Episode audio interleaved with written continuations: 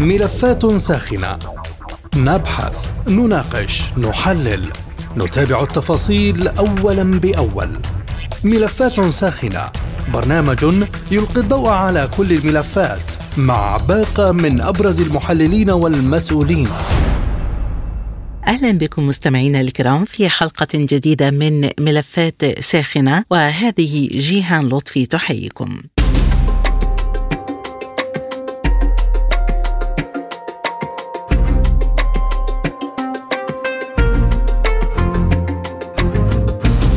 في ملف اليوم نناقش بغداد وأنقرة نحو توقيع اتفاقية لتأمين الحدود. دعا رئيس الوزراء الحكومة العراقية محمد شياع السوداني إلى تعزيز التعاون الأمني مع تركيا من خلال تأمين الحدود عبر عقد اتفاقية أمنية شبيهة بالاتفاقية مع إيران فيما تأتي هذه الخطوة تزامنا مع تصعيد عسكري تركي في كردستان ردا على هجوم نفذه حزب العمال الكردستاني قرب مواقع حكومية في أنقرة وتزامنا مع زيارة يؤديها وزير الدفاع العراقي ثابت محمد العباسي لقاء نظيره التركي يشار جولر وأفاد الناطق باسم القائد العام للقوات المسلحة اللواء يحيى رسول في بيان بأن رئيس الحكومة ترأس اجتماعا للمجلس الوزاري للأمن الوطني تم خلاله بحث تطورات الأوضاع الأمنية في البلاد بما فيها الوضع على الحدود مع تركيا. وأوضح المسؤول أن السوداني وجه وزير الخارجية بالتواصل مع نظيره التركي بشأن تفعيل اللجان الأمنية الثنائية لمعالجة المشاكل الأمنية على الحدود. ويثير التصعيد العسكري التركي شمال العراق قلق الحكومة المركزية في بغداد التي طالبت مرارا الجانب التركي باحترام السيادة الوطنية العراقية وهددت كذلك باللجوء إلى مجلس الأمن لردع القوات التركية. وتصعد القوات التركية من هجماتها في جبال كردستان رغم فشل عمليات سابقة متتالية في الحد من خطر الانفصاليين الأكراد ورغم تأكيد الجيش التركي القضاء على العديد من قيادات حزب العمال الكردستاني ودمرت القوات الجوية التركية 58 هدفا لحزب العمال الكردستاني المحظور في شمال العراق منذ أن أعلنت الجماعات الكردية المسلحة مسؤوليتها عن الهجوم الأخير. وقالت وزارة الدفاع التركية إنها شنت عملية ثالثة منذ تفجير الأحد لضرب أهداف في عدة مدن وأسفرت عن تحييد عدد من مسلحي الحزب لكن بغداد تقر بمخاوف تركيا بشأن هجمات حزب العمال الكردستاني وهو ما دفع السوداني لبحث ملف الاتفاقية الأمنية مع تركيا لتهدئة قلق أنقرة. فما هي رؤية العراق للاتفاقية الأمنية مع تركيا؟ وهل تفهم بغداد للمخاوف الأمنية لتركيا يمكن أن يجعلها تقفز على انتهاك السيادة العراقية؟ هل تتضمن الاتفاقيات ملفات أخرى شائكة كملف المياه؟ وهل المقاربة الأمنية هي الخيار الوحيد المتاح لتركيا؟ حول هذه المحاور وغيرها تدور نقاشاتنا في ملف اليوم من ملفات ساخنة يسعدني في البداية أن أرحب بضيوفي في حلقة اليوم من بغداد معنا عبر الهاتف الكاتب والمحلل السياسي الأستاذ نجم القصاب. من أربيل معنا عبر الهاتف الباحث في الشؤون الكردية والعراقية الأستاذ كفاح محمود. وأيضا من أنقرة معنا عبر الهاتف الكاتب والمحلل السياسي الأستاذ طه عودة أغلو. مرحبا بكم جميعا ضيوفنا الكرام ومستمعينا ابقوا معنا.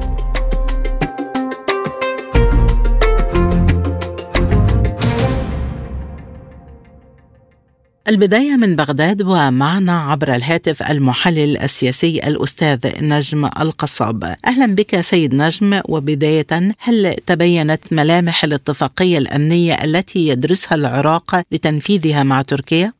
تحية طيبة بالتأكيد يعني على ما يبدو تركيا بعد تعرضها إلى هجمات من قبل البككة في الأراضي التركية بدأت بعمليات عسكرية وهذا ما مسموح لها قبل 2003 وبعد 2003 بالدخول. يعني 20 كيلو متر بالأرض وليس في العمق، لكن تركيا طيلة السنوات الماضية كانت تستخدم الطائرات والمدافع ودخولها وداخل العمق العراقي أكثر من 120 كيلو متر وهذا خرقا للسيادة العراقية، لكن في الاونه الاخيره رئيس الوزراء والحكومة الحالية والطبقة السياسية تحاول الوصول إلى اتفاق مع تركيا، تركيا ليس لها اتفاق إلا بإبعاد البككه عن الأراضي العراقية خصوصا الحدود بين تركيا والعراق، أما هذه المفاوضات والاجتماعات واللقاءات لا تقتنع بها تركيا. ومن ثم دائما تستخدم المياه والاقتصاد وعدم التعامل والتبادل بالمعلومات الاستخباراتيه مما جعل خوفا وانعدام الثقة بين الطرفين التركي والعراقي. إذا هل تفهم بغداد لمخاوف تركيا الأمنية يمكن أن يجعلها تقفز على انتهاك تركيا لسيادة العراق؟ يعني تركيا الآن آه، حينما تقوم بالقصف عن خلقا للقوانين الدولية والاتفاقيات بين الدول المجاورة لكن هي تستخدم الخلافات والانقسامات السياسية داخل المشهد السياسي العراقي تجعل هذه تركيا وإيران ودول أخرى تخترق كل الحدود العراقية بمسميات مختلفة بحماية دولتها بحماية مواطنيها لكن هذه كلها أكاذيب وكلها تحاول تركيا دائما حينما تتعرض إلى هزات داخلية أو مشاكل اقتصادية داخل المجتمع التركي تقوم بهذه العمليات بحجج واهية بأن البككه يهدد السلم والأمن التركي. لكن ما مصير المساعي العراقية للجوء لمجلس الأمن لردع القوات التركية عن انتهاك الحدود؟ يعني هذا يحتاج إلى وقت ويحتاج إلى تحشيد إعلامي وسياسي عام على التجاوزات التركية. أما قيام الشكاوي هذا لا يؤثر. كان يطلب على العراق أن يقوم. بعدم آه، التبادل الاقتصادي وعدم استيراد أي بضائع تركية هذا يؤثر أكثر مما الشكوى إلى هندسة الأمن. لكن تعلمين ليس هناك ضبطا داخل المناطق الحدودية وهناك طبقة سياسية تؤيد السياسة التركية وهناك تعترض وهناك تتحصن هذه كلها جعلت تركيا لا لا تحترم بنود واتفاقيات التي تبرم داخل الأمم المتحدة أو بين الدول المجاورة أو المشابهة.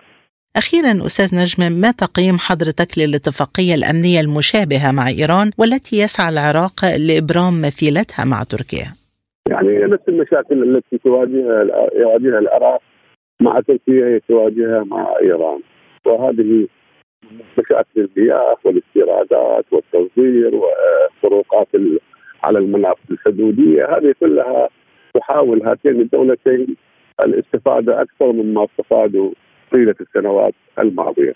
من بغداد الكاتب والمحلل السياسي الأستاذ نجم القصاب كنت معنا شكرا جزيلا لهذه الإيضاحات.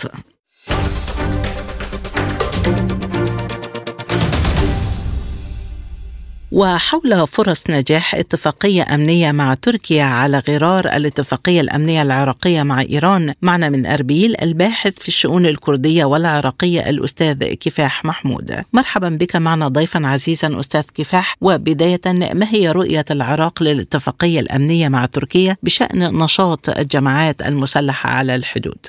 يعني بداية هناك توجه لإيقاف إيقاف وجود أو على الأقل نشاط المجموعات المعارضة سواء كانت التركية والإيرانية.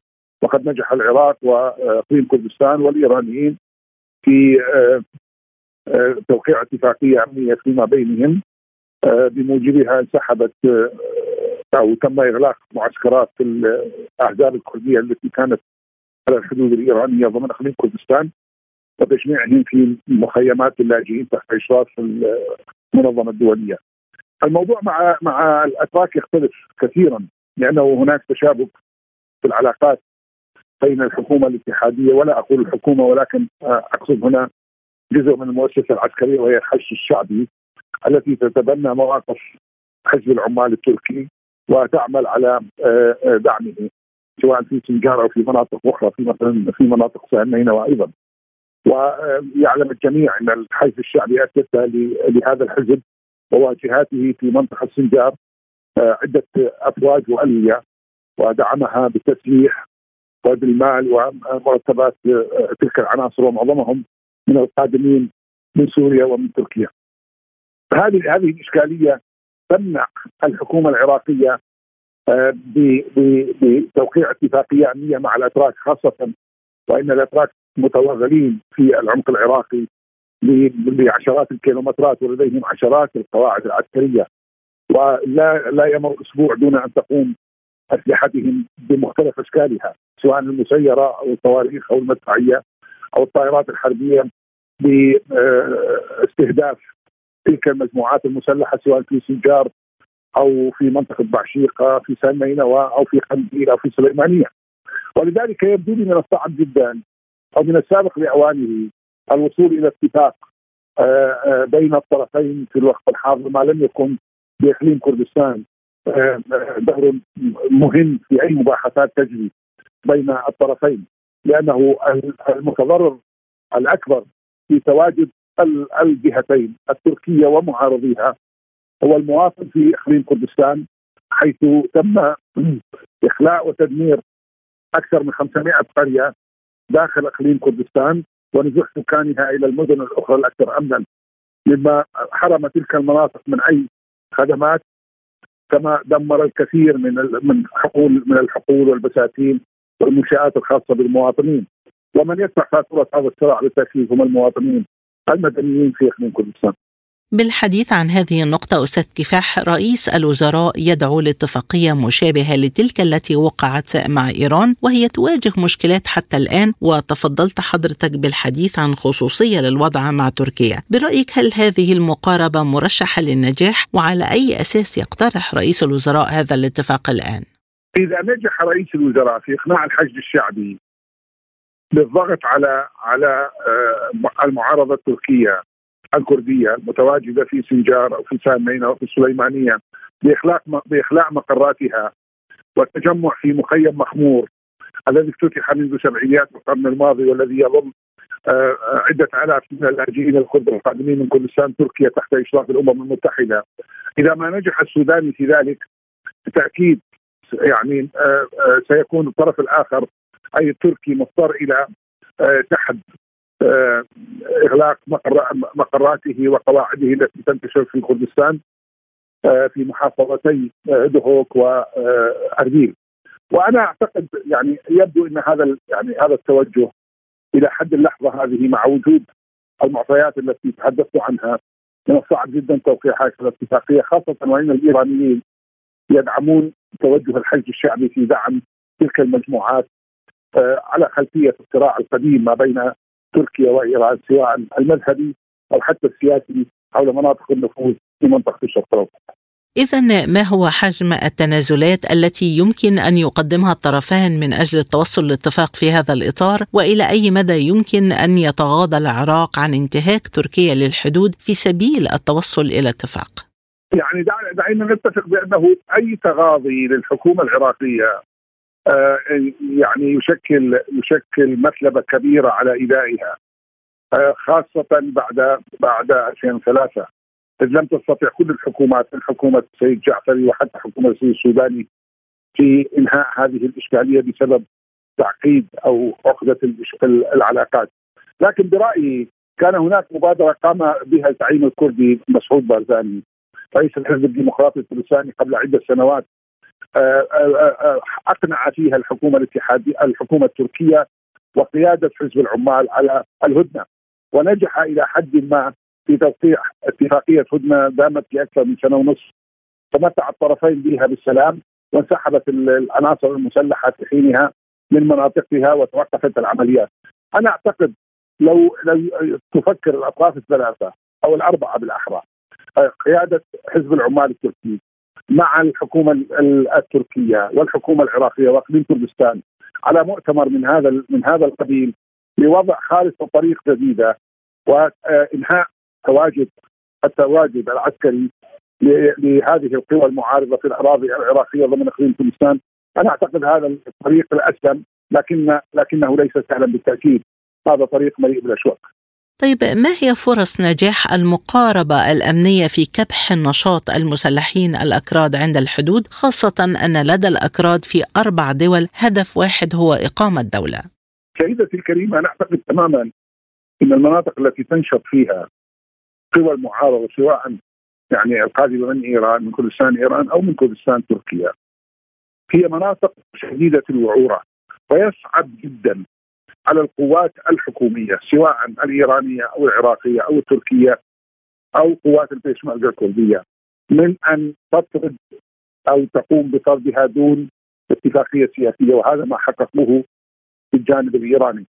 يعني مع مع الإيرانيين ومع القوى المعارضة التي اذعنت آه، آه، وتنازلت آه، لمصالح تقديم كردستان لكي لا تقع الأذية على كردستان لكن للأسف الشديد في الطرف الآخر المعارضة التركية وتحديدا حزب العمال يعادي إقليم كردستان ويعمل على تحوير تجربة إقليم كردستان من منطلقات معينة وهي منطلقات أممية طبعا يريد فيها الانتشار والسيطرة على إقليم كردستان. آه، آه، بينما لا يستطيع أن يقوم بأي عمل داخل أراضي آه، كردستان تركيا. وهذا ما اثبتته الأيام حتى الحادثة الأخيرة التي أساءت إلى سمعته كثيرا التفجير الذي حصل في قرب وزاره الداخلية التركية. الشعوب التي تناضل من أجل من أجل حريتها خاصة في نظام يعني أزعم بانه إلى حد ما ديمقراطي تستطيع عن طريق أذرع ديمقراطية كما حصل مع حزب الشعوب الديمقراطية. وكما يفعلون الآن بذراع آخر الحصول على حقوقهم من خلال النشاط الديمقراطي بعيدا عن التداخلات الجراحية العسكرية. آه، سيبقى هذا النوع من الصراع إلى ما لا نهاية آه، إذا استمر الطرفين بالإصرار على الخيار العسكري وهذا النوع من الصراعات في مناطق وعراق ما تسمى بحرب العصابات لا يمكن إنهائها بالقوة العسكرية المنظمة اقصد الحكومية يعني الجيش التركي والجيش الإيراني ولذلك الطريق الأقصر هو إجراء مباحثات ما بين الحكومة التركية وحزب العمال بالتعاون طبعا مع الحكومة الاتحادية العراقية وأقليم كردستان فربما يصلون إلى خارطة الطريق وتكون كما ذكرت مقاربة للاتفاق الذي حصل مع إيران. بالحديث عن هذه النقطة هل نجحت زيارة مستشار الأمن القومي العراقي السيد قاسم الأعرج الأخيرة إلى إيران في احتواء الشكوى الإيرانية من عدم قدرة العراق على تنفيذ الاتفاق الأمني؟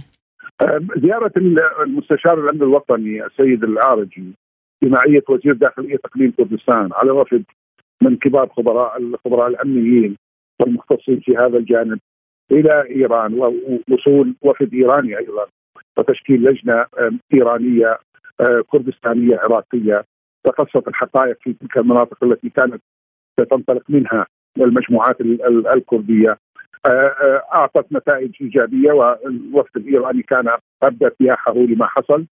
خاصة وإن المنطقة التي كانت تتواجد فيها تلك المعسكرات والمقرات تم إخلائها بالكامل ونقل عناصرها بعد نزع سلاحهم إلى مخيمات مدنية تشرف عليها الأمم المتحدة. ولكن المشكلات العالقة مع تركيا تتضمن ملفات كثيرة أبرزها أيضا ملف المياه برأيك هل يتم بحث الأمور معا في إطار مقايضات سياسية؟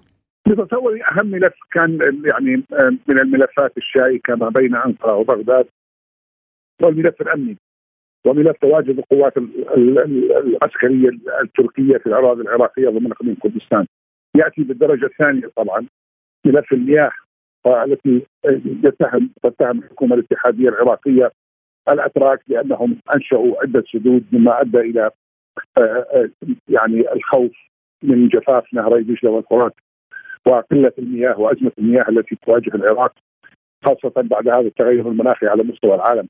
هناك ملفات أخرى أيضا تتعلق بالتجارة وبالضرائب بالتعاون التجاري مسألة النفط عبر آه، أنبوب كردستان الذي ينطلق من كركوك إلى جيهان والتي ماطلت كثيرا تركيا في آه، في عبور هذا النفط لكي تفرض بعض آه، بعض شروطها فيما يتعلق بالمبالغ التي سوف يعني تأخذها على كل برميل والضرائب التي تفرضها على مرور هذا النفط عبر أراضيها. عموما هذه الملفات الاقتصادية تبدو أمام الملفين ملف المياه والملف الأمني آه، آه، أقل أهمية رغم رغم كونها حيويه لكنها آه، تأتي بالدرجة الثالثة والرابعة. أخيرا أستاذ كفاح هل اتجاه رئيس الوزراء العراقي إلى تصفير المشكلات خاصة على الحدود يمكن أن يكون دافعا للناخب العراقي للتمسك به مجددا في الانتخابات المقبلة بغض النظر عن جملة المشكلات الداخلية التي يواجهها؟ السيد السوداني يحاول منذ أكثر من ستة أشهر منذ تأسيس حكومته بعد اتفاق اداره الدولة العراقية أن يثبت نجاحه وتحديات لكن هناك تحديات كبيرة تواجهه خاصه وإن كثير من الاتفاقيات التي وقعت بينه وبين بين أقليم كردستان وخاصة مع الديمقراطي الكردستاني الحزب الأكبر في الأقليم آه، كثير منها لم يطبق بل بل تم اختراقها. وهذا ما أضعف إلى حد ما دور السيد السوداني. آه، آه، لا أزعم بأن السيد السوداني لا يريد تطبيق تلك الاتفاقيات لكن هناك ضغط عليه من بعض التنظيمات الولائية التي تدعمها إيران. هذه تؤثر على المشهد السياسي وعلى تلك الاتفاقيات. يعني تذكري معي وقعت اتفاقيات حول ما يتعلق بالمناطق المتنازع عليها عودة الحزب الديمقراطي الكردستاني إلى تلك المناطق آه مساله النفط حصة الإقليم من الموازنة. آه آه لكن حينما بدأوا بالتباحث حول حول قانون الموازنة في البرلمان انقلبوا على كل الاتفاقيات مما أضعف إلى حد ما دور السيد السوداني.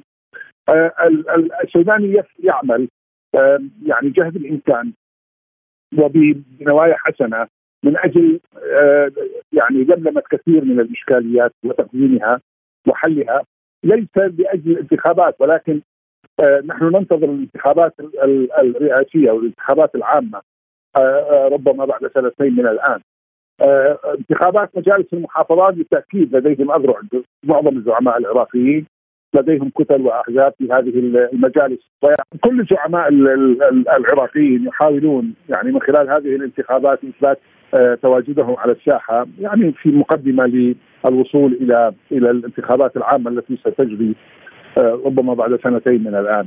آه، السيد السوداني يعمل بهذا الاتجاه أيضا لكي يثبت نجاحه بالتأكيد لديه أذرع أو ذراع في في هذه الانتخابات. وربما سيحقق نجاحات آه، آه، أفضل من مما سبقوه خاصة السيد الكاظمي أو السيد عادل عبد المهدي. آه، إذ إنه يتمتع بمقبولية من إقليم كردستان ومن المكون السني. لكن هناك أيضا تحديات داخل الإطار التنسيقي ربما تضغط عليه باتجاه معاكس لما يرغبه هو. وهذه ستتوقف يعني هذه الأمور ستتوقف على نتائج الانتخابات القادمة الانتخابات المحلية القادمة. من أربيل الباحث في الشأن الكردي والعراقي الأستاذ كفاح محمود كنت معنا. شكرا جزيلا لهذه الإضاءة الثرية.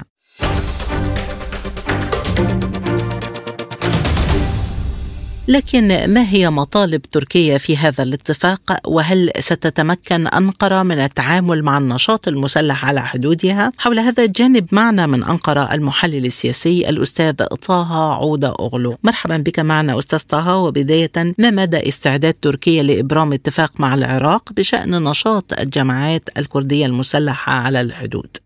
يعني كما تابعنا قبل يومين كانت هناك زيارة من قبل وزير الدفاع العراقي إلى أنقرة وهي جاءت بعد أيام قليلة من الهجوم الإرهابي على آه، أنقرة. وأيضا بعد نعم المبادرة التي أطلقها أو أعلن عنها الرئيس العراقي لاتفاق أمني تركي عراقي. آه، لكن حتى اللحظة لم نسمع هناك أي ردود فعل من قبل أنقرة حول هذه المبادرة خاصة أن هناك كان مطلب تركي إلى العراقيين خلال زيارة حكام فيدان إلى العراق قبل فترة وطالب فيها العراق بتصنيف منظمة حزب العمال الكردستاني كمنظمة إرهابية. العراق لم يعني يوافق على هذا الطلب. لذا أنا أتصور أعتقد هذه المبادرة وهذا الاتفاق يعني صعب جدا. آه، تحقيقه على غرار ما تحقق ما بين العراق وإيران خاصة أن المشكلة حزب عمان كردستان هي مشكلة شائكة قديمة جدا منذ عقود طويلة ومن الصعب من خلال هذا الاتفاق أو من خلال يعني آه يعني حل ما بين البلدين أن يحل بهذه المشكلة. وأيضا تحولت مشكلة حزب عمان خلال الفترة الأخيرة إلى يعني واقع إقليمي يعني تدخلات هناك دول تدعم حزب عمان الكردستاني آه، كانت في العراق أو حتى في خارج العراق كسوريا كقصد الولايات المتحده الأمريكية تقدم الدعم بشكل واضح وعلني إلى قصد الذي يعتبر امتدادا لحزب العمان الكردستاني. إذا ما هي البدائل المتاحة أمام تركيا الآن خاصة مع اعتراض بغداد على العمليات العسكرية على الحدود وانتهاك الحدود وتهديد بغداد باللجوء لمجلس الأمن؟ يعني أتصور أعتقد أنقرة هي تقوم وتتحرك وفق المواثيق الدولية ومادة 51 للدفاع عن نفسها. أشرت لكم بأن تركيا تعرضت لهجوم إرهابي وما تقوم به داخل العراق وحتى داخل الأراضي السورية. وفق هذا الإطار وهذه القوانين خاصة آه، أن هناك لاحظ أن هناك تضامن آه، دولي كبير مع آه، تركيا خلال الفترة الأخيرة الماضية وتركيا أكثر مرة تحدثت وقالت يعني بأنها هي ليست ضد يعني أو ليس مع هناك شن غارات هو ما تقوم به هو لدحر الإرهاب عن أراضيها وتأمين حدودها من هجمات الإرهابية إن كانت من سوريا أو حتى العراق. ولكن ما هي الضمانات التي يمكن أن تطمئن تركيا للدخول في اتفاق امني مع العراق في هذا الخصوص؟ يعني أعتقد الضمان هو أن تعترف العراق بحزب عمان الكردستاني كمنظمة إرهابية أن تكون هناك خطوات ملموسة على الأرض وليس فقط يعني هناك أقوال تريد أن تكون هناك أفعال آه، فيما يتعلق بموضوع محاربة آه، حزب عمان الكردستاني كما حارب العراق في السابق آه، في الموصل داعش و المنظمات الإرهابية هذا ما تريد وأن تكون هي حدودها هي يعني يتم ضبطها بشكل واضح من قبل العراقيين حتى لا تتعرض آه، لهجمات كما حصل خلال الفترة الأخيرة الماضية. طيب أستاذ طه سبق أن فشلت العمليات الأمنية في كبح نشاط الجماعات الكردية المسلحة، برأيك لماذا لا تنتهج تركيا مقاربة مختلفة في التعامل مع هذا النشاط؟ يعني تركيا في السابق وهناك تحدث قبل عقد من الزمن. هي حاولت قدر الإمكان أن تتواصل إلى حل أو إيجاد حل لهذه المشكلة وسميت المشكلة الكردية للمرة الأولى يتم الحديث عنها داخل تركيا وتواصلت مع زعيم حزب عمان كردستان آه، عبد الله اوجلان في سجنه في جزيرة ايميرالي في تركيا. ولكن كل هذه المحاولات ارتطمت يعني في هناك رفض إن كان من عناصر حزب عمان كردستان المتواجدين في جبل كانتيل. وأيضا بعض الدول الإقليمية التي تحاول قدر الإمكان آه، أن تستخدم هذه الورقة ضد آه، تركيا في الضغط على سياسة تركيا آه، الإقليمية التي نتابعها حاليا كانت في الأزمة الروسية الأوكرانية وأيضا موضوع عضويه السويد في الناتو وأيضا الوضع في الحرب في سوريا. إذا هل الاتفاق مع هذه الفصائل على صيغة للتعايش أمر وارد مجددا ضمن خيارات صانع القرار التركي الآن؟ يعني على المدى القريب صعب جدا وخاصة بأن يعني تركيا حاليا آه، والقيادة التركية الجديدة هي أقوى ما كانت عليه في السابق هي تحاول آه، آه، خلال الفترة القادمة لا أقول شن عملية برية وهذا مستبعد من وجهة نظري ولكن تكثيف من عملياتها وغاراتها الجوية لدك وتدمير كافة مقار ومواقع آه هذا الحزب إن كان في سوريا أو حتى في العراق. نموذج الحكم الذاتي لإقليم ذي أغلبية كردية كان ناجحا جدا في العراق برأيك أستاذ طه هل يمكن أن يكون هناك نموذج مشابه في تركيا؟ يعني آه، من الصعب جدا يعني تركيا وهذا آه، أن تكون هناك أقلية تركية وداخل تركيا هذا من الصعب ومن المستحيلات لأن تركيا المادة الأولى من القانون أو الدستور التركي هي تنص أن تركيا هي دولة علمانية دولة آه، موحدة لغتها اللغة آه، التركية ولا توجد أي آه، لغة أو أي هناك عرقية أخرى تقيم داخل هذه الأرض.